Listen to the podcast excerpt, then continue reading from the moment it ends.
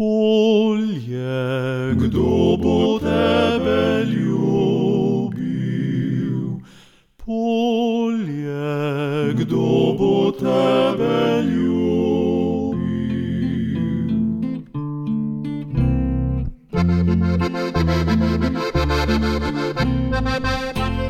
Drage poslušalke in spoštovani poslušalci, lepo pozdravljeni.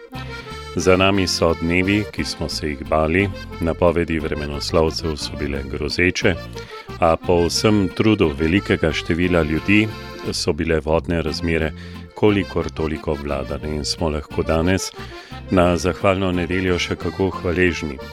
Počasi se namreč končuje leto, ki je na kmetijskem področju prineslo veliko težav, ne samo tistih, ki jih je povzročilo divjanje naravnih sil, ampak morda še bolj tistih, ki smo si jih povzročili ljudje. Po drugi strani pa smo vsem tem lahko videli, kako velika je tudi dobrota, koliko ljudi je pripravljeno nesebično priskočiti na pomoč in zastaviti vse, da bi reševali težave drugih in da bi nam bilo vsem skupaj boljše. Postavimo se torej na današnjo zahvalno nedeljo, predvsem ob tem, ob tem dobrem, in bodimo hvaležni Bogu in vsem tem dobrim ljudem. Popovdne ob 14. bo v cerkvi svetega Mihajla v Grosuplju tradicionalna podeželska zahvalna sveta Maša, ki jo bo daroval župnik Martin Golob. Zveza slovenske podeželske mladine vabi, da se jo tudi letos udeležite. Kot zahvala pa bo izvenel tudi današnji gala koncert, ki ga radici ob 15. in 19.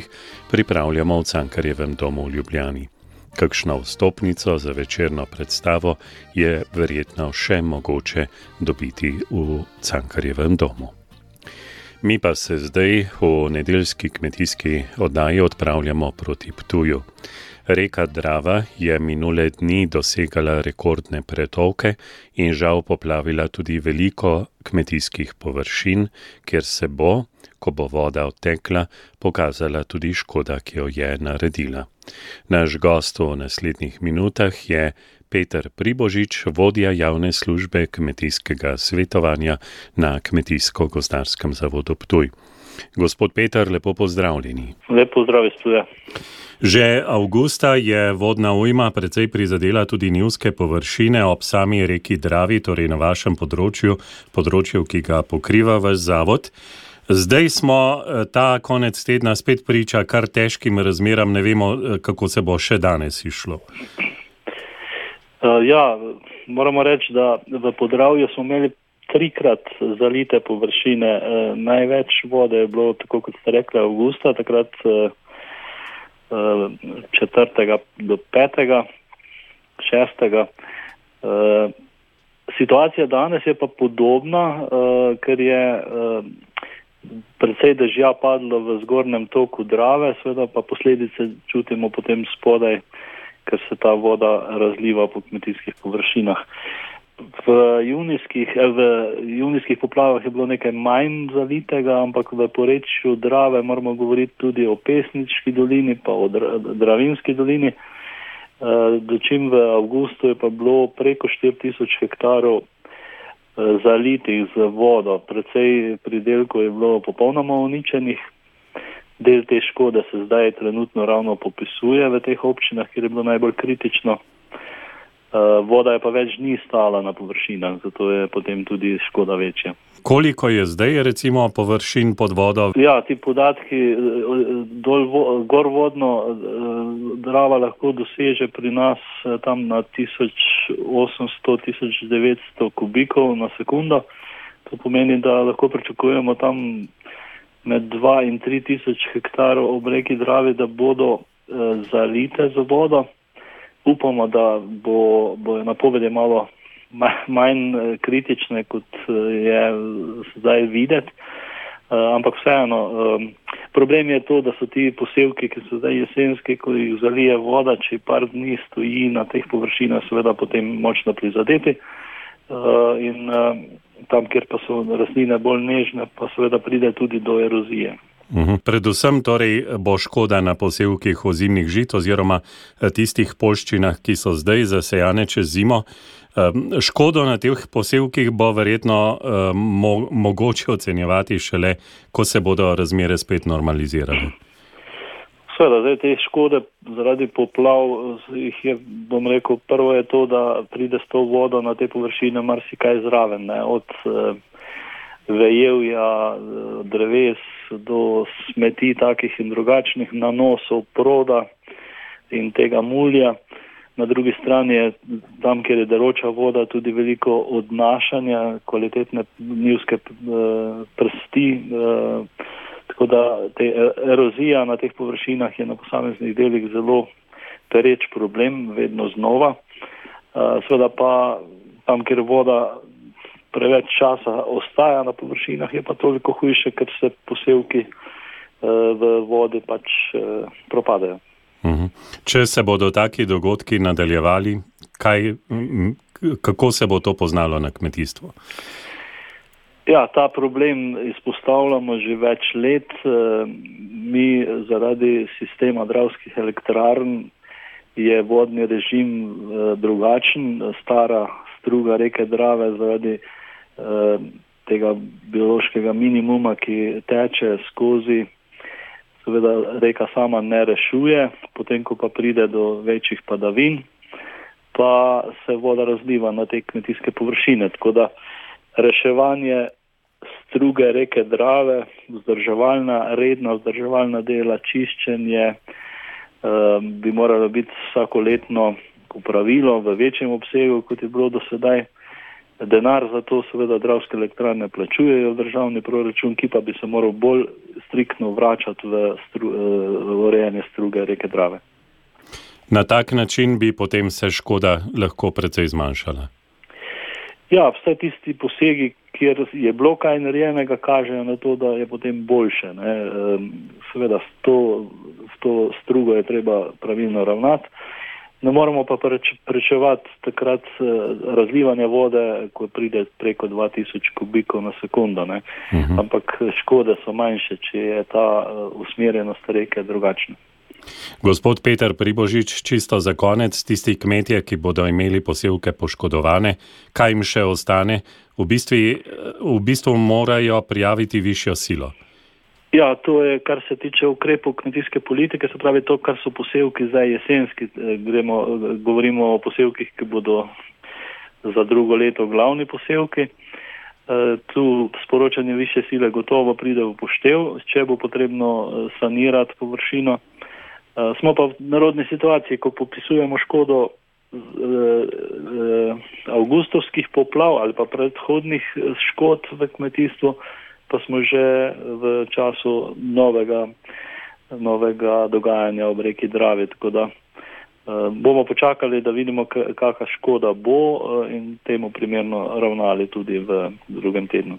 Tako, o vsem bomo obveščali. Gospod Peter Pribožič, hvala lepa za ta pogled. Vse dobro. Hvala tudi vam.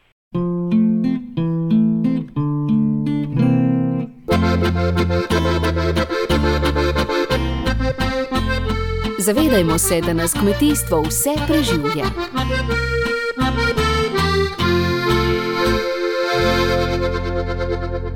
Čez dobrih deset dni, spoštovane poslušalke in spoštovani poslušalci, oziroma natančneje v četrtek in petek 16.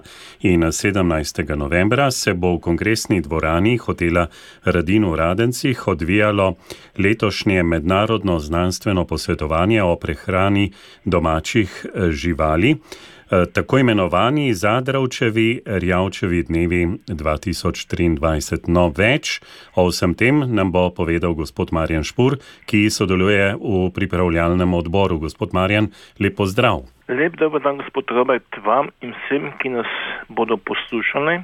Ta čas, ko je takšno vreme, tudi želijo poslušati, ker imajo več časa in seveda normalno za to vsebino, da jim to nekako predstavimo. Zadrovčevo Rjavčevi dnevi so zdaj bi lahko rekli že zelo uveljavljena uh, prireditev, ki jo obiskujejo predvsem strokovnjaki, čeprav v zadnjih letih vidim, da tudi uh, kdo od mlajših kmetov pride za to, da rešuje težave v svojih čredah in dela velike korake naprej.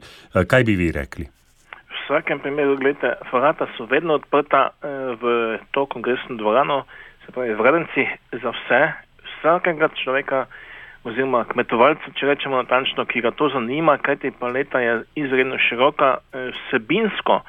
Pa je danes, recimo, eh, če pogledamo ta program, ne, letošnji 2023 oziroma 31. posvet, po vrsti je zgodba takšna, da je ravno trenutno stanje proti letu 2022 kajti takrat smo se ukvarjali z sušami, letos pa je nagib te zgodbe seveda v smislu poplav, kako iz teh poplav dobiti kvalitetno krmo za živali, ker je to posvet o prehrani domače živali, se pravi vse vrst. In pa seveda potem tudi nikako ne pozabljamo, se pravi, da najdemo skupne rešitve, zato so tudi vsi tisti, ki to zanima, povabljeni, kmetovalci, strokovnjaki si izmenjajo mnenja, najboljše je to preko debat v živo, se pravi diskusij. In normalno, ker so zraven tako eh, izven slovanja, se pravi strokovnjake, eh, znotraj slovanja z inštitutov, tako da je ta izmenjava možna, bistvo pa še enkrat, kako pridelate kakovostno krmo za začetek in pa posledično pozneje tudi, ker smo okoljsko eh, pač zavezani, da zmanjšujemo izpuste v kmetijstvu, smo tudi v tem smislu naredili nekaj, eh, se pravi, v sestavu tega eh, posveta referatov skupaj z našimi, se pravi, eh, partnerji, se pravi, svet, svetovalci oziroma strokovnjake in posledično tudi, kako ohraniti čisto pitno vodo, se pravi, zdrava hrana, čista pitna voda, to je en celoten skupek lastnosti, ki so v prihodnosti seveda če dalje bolj iskane. In pa potem vročinski stres. Kljub temu, da smo imeli letos toliko in toliko padavinskih dni, ogromno količino držja, poplav in tako naprej, še vedno imamo neodkrite vse tiste točke, kjer bi lahko rekli, eh, da pa bomo v prihodnje lahko našim živalim, našim ljudem, našim rastlinam, ker je seveda najhujše, ponudili zgodbo, se pravi, da bi se stvari nekoliko umelile in izboljšale. Bistvo pa je kakovost krme, posledično z zagotavljanjem eh, za našega potrošnika, da dobi zdravo, kakovostno domačo slovensko hrano, se pravi, eh, vsak, vsak dan, oziroma da bi bil cilj tudi kot so naravno kmetovanje in pa samo skrba. Na spletni strani Kmetijsko-gozdarskega zavoda Morska sobota je najti program. Tam se vsi zainteresirani lahko tudi prijavijo, si zagotovijo sedež v dvorani. Vsem tistim, ki ste oddaleč, zagotovite oziroma lahko omogočite tudi, da prenočijo. Namreč eh, posvetovanje poteka dva dni, v četrtek 16. in v petek 17. Eh, novembra. In začnete že kar zgodaj, že pred 9. uro se začnejo uh, predstavitve, in vidim, da je precej tudi uh, udeležencev oziroma predavateljev iz tujine. Verjetno ste veseli tega, da uh, so tuji strokovnjaki zainteresirani, da pridejo in sodelujejo. Ravno tu je čar, vedno iščemo, vendar je vedno časovno prekratko to obdobje med enim in drugim posvetom iščemo izzive eh, oziroma vsebine, sveže vsebine tistih strokovnjakov, ki so ravno na to vsebino, eh, se pravi, delali tudi druge države in potem je čar ravno v tej diskusiji in potem prenosu tega dela iz druge države v Slovenijo, slovenske razmere in tako naprej. Kar ste menili glede prijav, normalno eh, tukaj zgoraj na spletni strani imajo seveda možnost prijave, da se eh, direktno registrirajo v samem hotelu kar se tiče za prenačevanje, če bodo dovoljni, medtem ko za same prijave pa so tudi navedeni elektronski naslovi eh, Tatjana Čeh in pa Janeja Pečnika, ki sta osebno zadolžena za samo sprejemanje prijav. Prav tako, kot ste omenili, tudi ta program na spletni strani, tako da si ga lahko vsak po svoji izbiri pač izbere sebine, kateri dan bi mu bil zaželen oziroma zanimiv. Skratka, lahko pride za en dan, lahko pride za doni, eh, poželjen, lahko tudi dopolnjen, popolnjen glede na tisto vsebino, ki ga najbolj zanima. V vsakem primeru pa tudi temu potem prilagojeno vse ostalo. Skratka, eh, to, kar bo letos, recimo, kot ste menili, eh, predstavljeni, bo 34 referatov, Aha. se pravi dva dni, eh, tako da pravi ogromno vsebine, ogromno prakse, ravno to je cilj. Kljub temu, da imamo naziv znanstveni, je to zgodba pretopljena na koncu v prakso na naše kmetije in seveda izmenjave izkušenj. Uh -huh.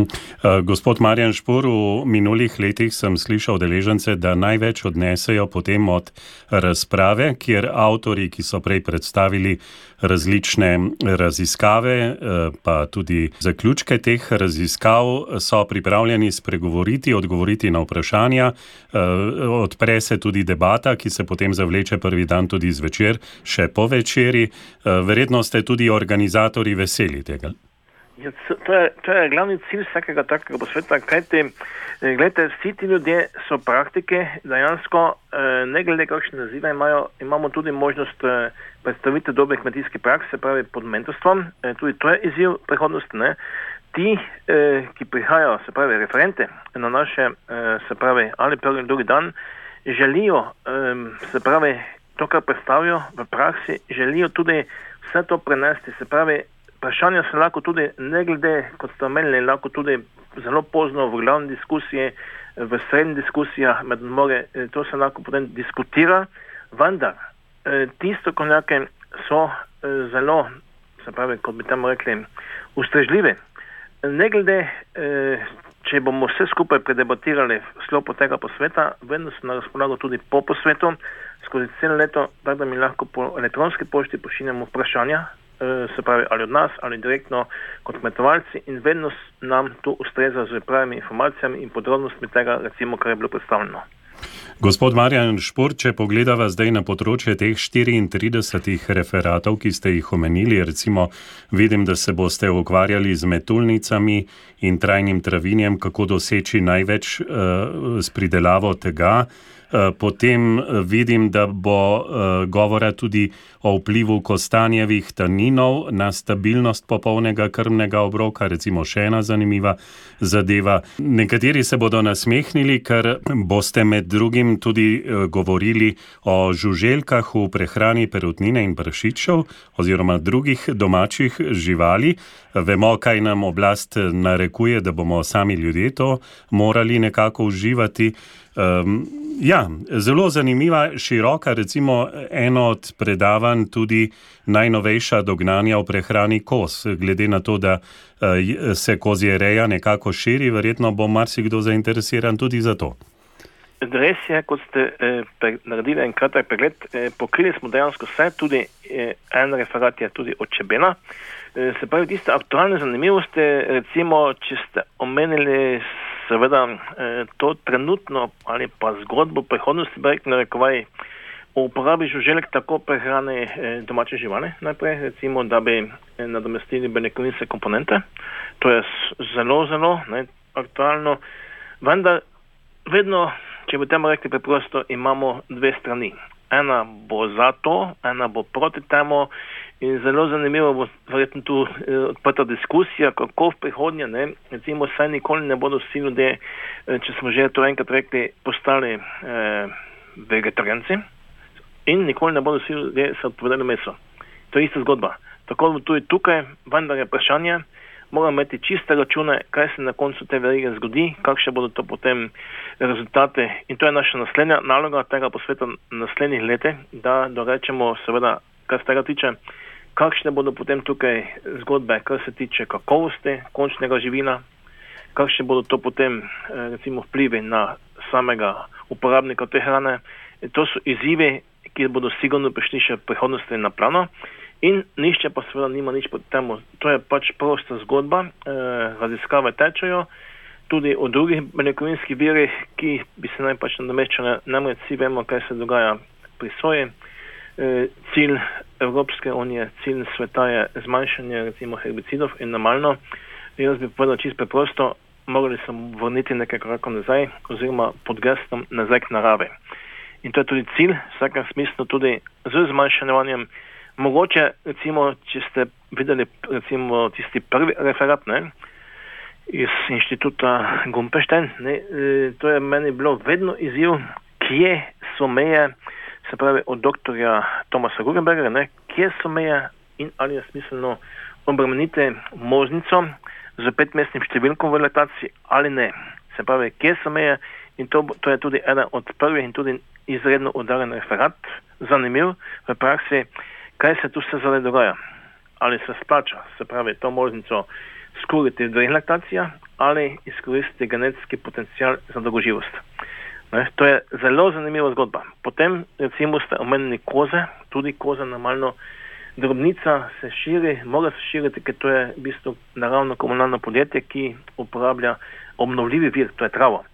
Medtem ko kosilnice roboti uporabljajo eh, neobnovljive vire za pogon, seveda. Imamo tudi en referat, ki je zanimiv tudi z vidika, če ga povežemo z vrsto kakovosti krme, posebej tulnic, in pa potem, kako to krmo spravimo, se pravi, z sodobno opremo, recimo, da bo ta krma čista, kvalitetna in to je seveda uporaba netilnika v praksi in vpliv na kakovost krme. E, potem bi seveda lahko rekli, nekako smo rekli v prvem delu, e, oziroma drugi del prvega dneva, izredno pozornost dajemo tudi dobrobiti živali. Vsem vrstam, od prežakovalcev, se pravi velike živali, kopitarjev eh, in pa prašičev in pa potem eh, konec prvega dneva in začetek drugega dneva pa seveda so podarke zelo na sami prašičareji različne kombinacije, se pravi, eh, kaj bodo eh, potem ti rezultati pokazali recimo eh, pri pregonitvah, mogoče potem analiza Eh, kar se tiče, se pravi, še rezultate fizične kastracije, recimo pa alternative. Vse to je pri prešičereji povezano seveda z samim dobrobitnim živalim, o katerem je toliko govora.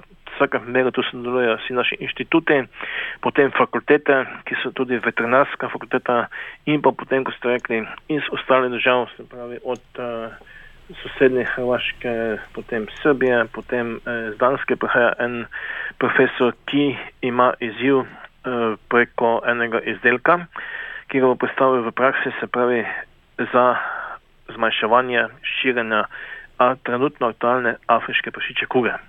Tako da dobrobit, kakovost in pa tudi en referat prihaja z veterinarske fakultete, kar se tiče tudi zakonov, zakonodaje o zaščiti živali in pa seveda v tem smislu za samo zgodbo, ki je tudi aktualna okrog eksotičnih živali. Vse to je na razpolago dva dni, tako da tisti, ki to želijo priti poslušati, so dobrodošli vedno v Radence, v to neokrnjeno naravo, kjer je seveda zgodba o tako o mineralnih, kako tudi o termalnih vrelcih in pa če se malo pošalimo, 11. 11. v 11. uri je Matinovo, tako da bodo tudi deležni popolnoma svežega novega oziroma nove vinske kapljice iz kapljske radnosti Goric. Tako, torej 16. in 17. novembra letošnji Zaderovčevi Rjavčevi dnevi. Gospod Marjan Špur, hvala lepa za predstavitev, pa naj vam dobro uspe organizacija. V vsakem primeru se trudimo, da bi naredili iz leta v leto čim boljši posvet in tudi koliko komu od vas dopušča da bodo šli. Najlepša hvala. Tako, več informacij pa, spoštovane poslušalke in spoštovani poslušalci, in tam tudi vse številke oziroma kontakti za prijavo na trikrat vojni v.kgzs-ms.si ali pa če kar upišete Zadravčevo Rjavčevi dnevi 2023, boste našli pot.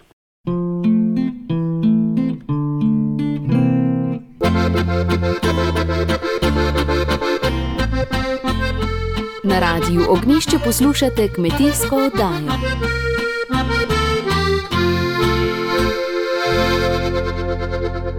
Trgovci morajo od začetka novembra v prodaji na drobno sveže meso slovenskega izvora na računu ustrezno označiti.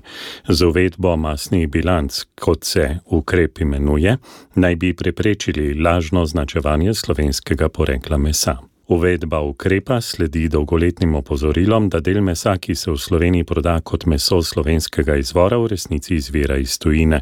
Nadzor spremljanja količin mesa, ki ni bilo predpakirano po izvoru, naj bi take sporne prakse onemogočil.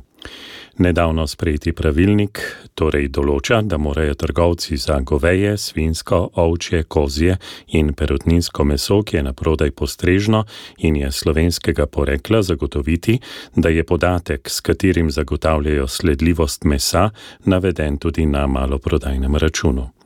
Ukrep je bil tudi ena od stavkovnih zahtev kmetijskih organizacij na spomladanskem protestu kmetov.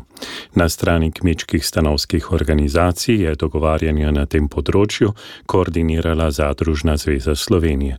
Predsednik Borod Florjančič je za naš radio povedal. Ja, pot je bila kar dolga, no? v bistvu intenzivno se je začelo tam nekje od junija dogajati. Eh, skratka, potrebno je bilo skladiti vse deležnike v verigi, skratka od kmetijskih organizacij vseh. Pa do uh, gospodarske zbornice Slovenije, pravi uh, uh, zbornice kmetijskih življenjskih podjetij, trgovinske zbornice. Skratka, razmišljanja so bila različna, vendar smo si bili na koncu enotni. Resnično smo, to je, to je bilo težavno doseči enotnost o tem, kako naj te masne bilance izgledajo. Ključen preboj je bil, da smo skupno Eh, dali pobudo, zahtevo na ministrstvo, da se začnejo spremljati tudi masni tokovi, skratka količine. Vemo, da ni dovolj napisati, kot pravite, na račun vse lepo in prav, ne vem, Slovenija ali pa tujina. Hkrati mora biti nekdo, ki od zadaj preveri, da te količine tudi na daljši časovni interval, mogoče eno leto, klapajo. Skratka, da če, če je tok slovenskih bikov bilo v predelavi, mora biti tudi tok prodano, ne več. Kmetijske organizacije si torej prizadevajo tudi za vzpostavitev informacijskega sistema, ki bi omogočil spremljanje masnega toka porekla mesa v realnem času. Še en bolj pomembna stvar pa je, da se, da se bo ustanovila uh, delovna skupina in to je medresorska, tudi uh, ministrstvo za digitalizacijo, gospodarstvo je zraven povabljeno kjer se bo postavil pač ta model, kako se ti podatki spremljajo čez verigo. Vemo že na strani kmeta, uh, uh, vsa, vsa živina ima po domaču šestno številko potni list, v klavnici tako in tako se beleži, vsi poslovni dogodki se skratka še en korak dlje v trgovino zajamemo in imamo popoln pregled nad temi mastnimi tokovi. Torej bi lahko rekli, da se zdaj vsi ti informacijski sistemi, ki že obstajajo, povežejo in potem lahko potegnemo črto.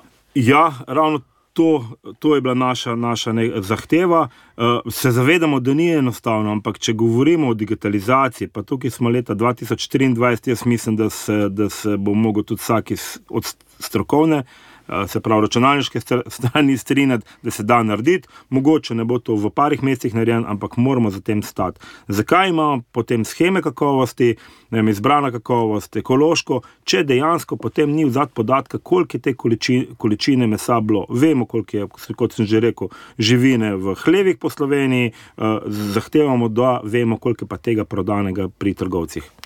Gospod Borod Florjančič, uvedba masnih bilanc je bila tudi ena od stavkovnih zahtev spomladanskega protesta kmetov. Bi lahko rekli, da se s tem ta stavkovna zahteva nekako zapira, da se je zgodil dovoljšen premik? Idealno ni, vendar moramo biti razumni, ve, da ne moramo jutri imeti tega, kar zahtevamo, kot se neko sledljivost masnih tokov. Zaprli smo pač to stokovno zahtevo in uh, z, z vključevanjem vseh nas, uh, stanovskih organizacij, v to delovno skupino bomo skrbeli, da se bo dejansko premikali naprej. Če ne pač lahko ponovno postane neka, ne, neka uh, stokovna zahteva če se, če se zaustavi slučajno. S tem bi povezali in nadgradili obstoječe baze podatkov ter nadzornim službam omogočili v realnem času ugotavljati standardizirane odmike od količinskega toka vrst mesa po poreklu ali po izvoru.